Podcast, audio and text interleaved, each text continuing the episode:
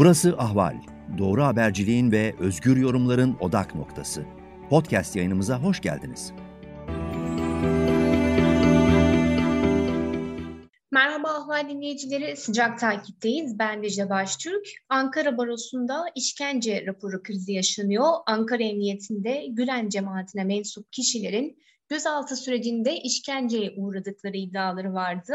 Bu iddiaları incelemek için Ankara Barosu kendi bünyesindeki İnsan Hakları Merkezi'ni görevlendirdi.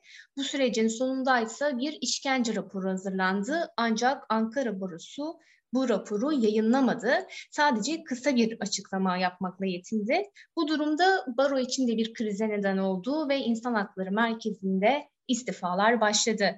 Konuyu Türkiye'de kendisini işkenceyle mücadeleye adamış bir isim olan insan hakları savunucusu Türkiye Tabipler Birliği Başkanı Şevlem Kurur Fincancı ile konuşacağız. Merhaba Şevlem Hanım.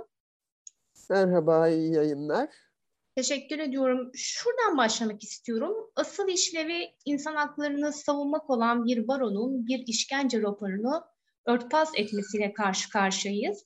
Ankara Barosu'nun bu raporu örtbas etmesi, insan hakları merkezinden istifa edenlerin de altını çizdiği gibi sansürlemesi bize neyi anlatıyor? Bu bir skandal mı?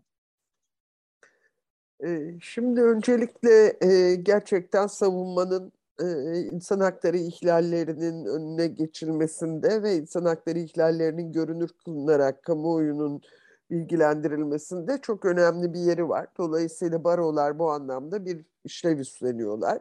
Ankara Barosu'nun İnsan Hakları Merkezi de kurulduğundan itibaren e, önemli işler yaptı ve önceki dönemde de e, özellikle e, Ankara Emniyeti'nin artık hepimizin gayet yakından bildiği işkence uygulamalarını görünür kıldı. Bu kez böyle bir kriz yaşanmış olması üzücü elbette.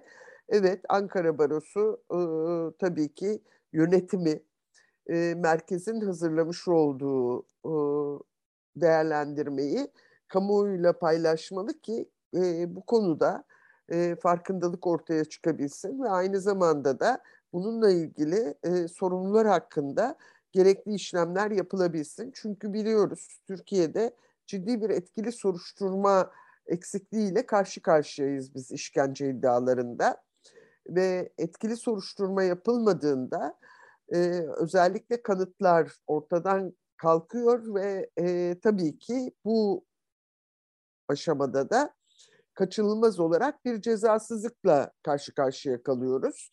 Ee, Ankara Barosu İnsan Hakları Merkezi'ni kurarak bu anlamda önemli bir adım attı.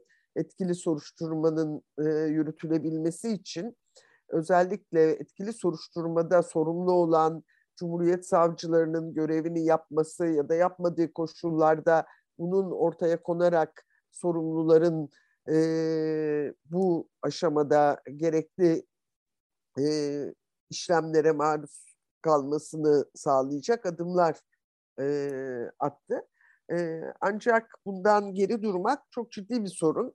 E, biliyoruz önceki e, dönemde e, bu raporlardan biri yayınlandığında e, ciddi tehditlerle karşı karşıya kaldı, karalamalarla karşı karşıya kaldı Ankara Barosu e, ve İnsan Hakları Merkezi.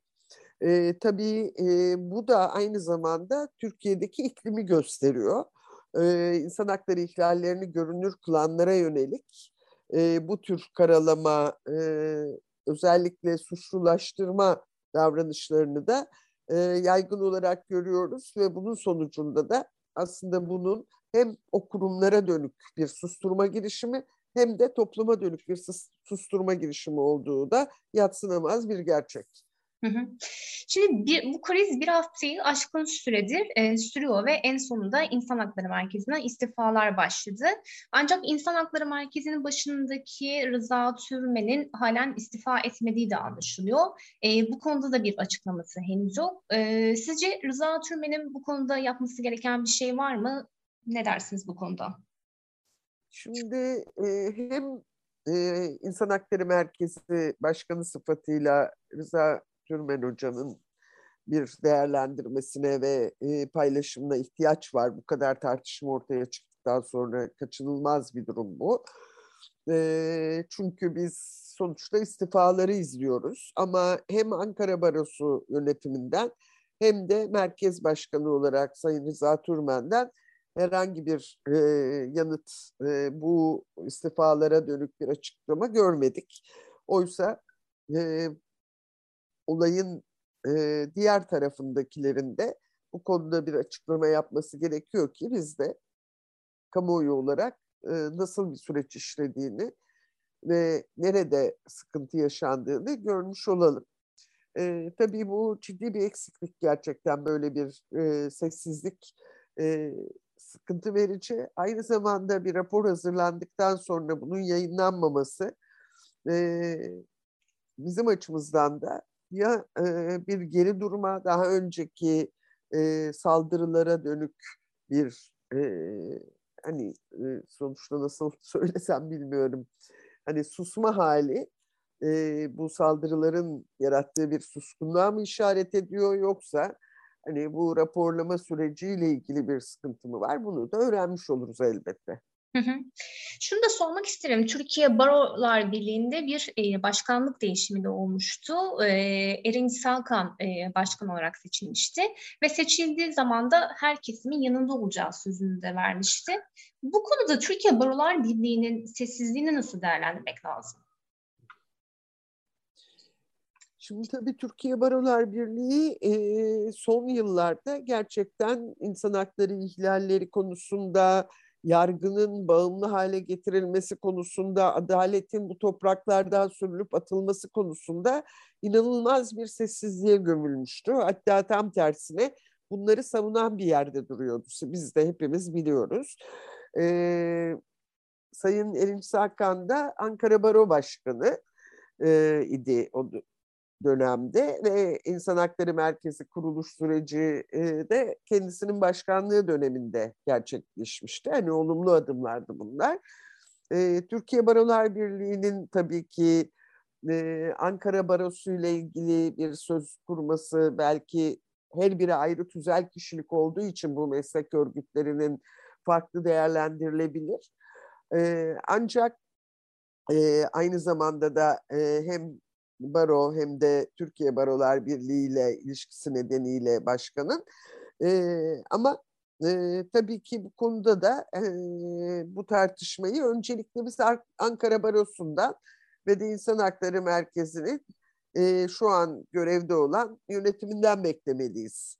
E, asıl olarak böyle bir e, değerlendirmeye ihtiyacımız var gerçekten. Çünkü bir tartışma yürüyor ve e, bu tartışmanın sonucunda hakikati e, öğrenme ihtiyacımız var hepimizin. Ne olduğuna dair bilgileri e, birlikte değerlendirmeliyiz e, sonuç olarak. Peki şunu sor sormak istiyorum son olarak. E, genel bir sessizlik hali var aslında. E, muhalefet partilerinden de çok fazla bir tepki, bir ses görmüyorum. Sadece HDP'den Ömer Faruk Gergerlioğlu ve Deva Partisi'den Mustafa Yeneroğlu'yu takip edebildim bu konuda.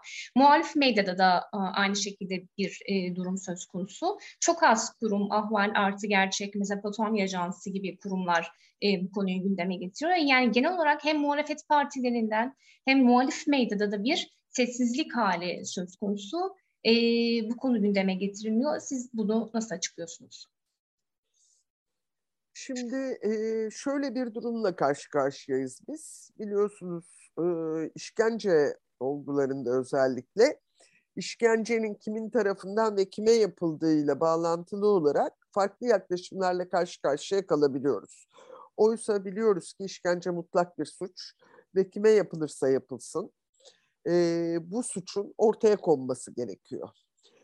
E, böyle bir suç işlendiği koşullarda bunun e, tüm bileşenler tarafından ele alınması, etkili bir soruşturma, etkili bir belgeleme ve e, tabii ki e, güçlü bir yargılamayla işkence uygulayıcılarının cezalandırılması esas olmalı. Ama e, Türkiye'de çok sık olarak biz e, işkence uygulanan kişiye bağlı olarak, gruplara bağlı olarak, e, bunların e, bir takım aidiyetlerine bağlı olarak e, sessizlik ya da çok daha güçlü bir ses çıkarmayla karşı karşıya kalabiliyoruz ne yazık ki. Bu bir çifte standart tabii ki. İşkence suçunu her koşulda görünür kılmak ve cezasızlığın önüne geçmek gerekiyor. E, tüm hak ihlallerinde de benzer şekilde hak ihlaline uğrayan kim olursa olsun bu hak ihlalinin görünür olması, hak ihlalini gerçekleştirenlerin de cezasız bırakılmaması esastır. Ama e, bizim böyle bir eksiğimiz var ne yazık ki. Böyle bir sorunla karşı karşıya kalıyoruz sıklıkla. E, burada da e, tabii ki e, bu gruplar, farklı e, düşünceler her biri sonuç olarak ciddi sorun yaratıyor. Bu neye yol açıyor biliyor musunuz? En büyük sıkıntılarımızdan biri de bu. Genel olarak toplumda da işkencenin meşrulaştırılmasına yarıyor bu yaklaşımlar ne yazık ki. Örneğin şöyle bir durumla karşılaşmıştık. Anımsarsınız 15 Temmuz sonrası askerler gözaltına alınmışlardı ve çıplak bir şekilde ters kelepçeli fotoğrafları yayınlanmıştı medyada. Bu bir işkence suçu. Böyle bir tablo. Bunun yayınlanması, böyle bir durumun ortaya konması ve e, ne yazık ki tartışmalar tabii ki e, darbe üzerinden yürüdü ve darbeci olduğu iddia edilen bu kişilere yapılanı da meşrulaştıran bir yerden tartışma yapıldı kamuoyunda. E, bu çok riskli elbette. Bunu eğer meşrulaştırırsanız bir gün gelir siz o işkenceye uğradığınızda da sesini çıkaracak hiç kimseyi bulamazsınız. Ne suç işlemiş olursa olsun hiç kimsenin ya da ne suç işlediği iddia edilmiş olursa olsun hiç kimsenin işkenceye maruz bırakılamayacağı bir somut gerçekliktir. Bunu her koşulda mutlaka lanetlemek ve cezasız bırakılmaması için de çaba sarf etmek gerekir. Evet, peki çok teşekkür ediyoruz Şeminem Hanım. Rica ederim. Kolay gelsin.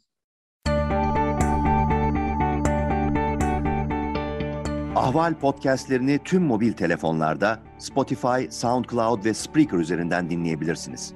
Apple iPhone kullanıcıları bize iTunes üzerinden de ulaşabilir. Türkiye'nin ve hayatın cıvıl cıvıl sesleri Ahval Podcast dizisinde. Kulağınız bizde olsun.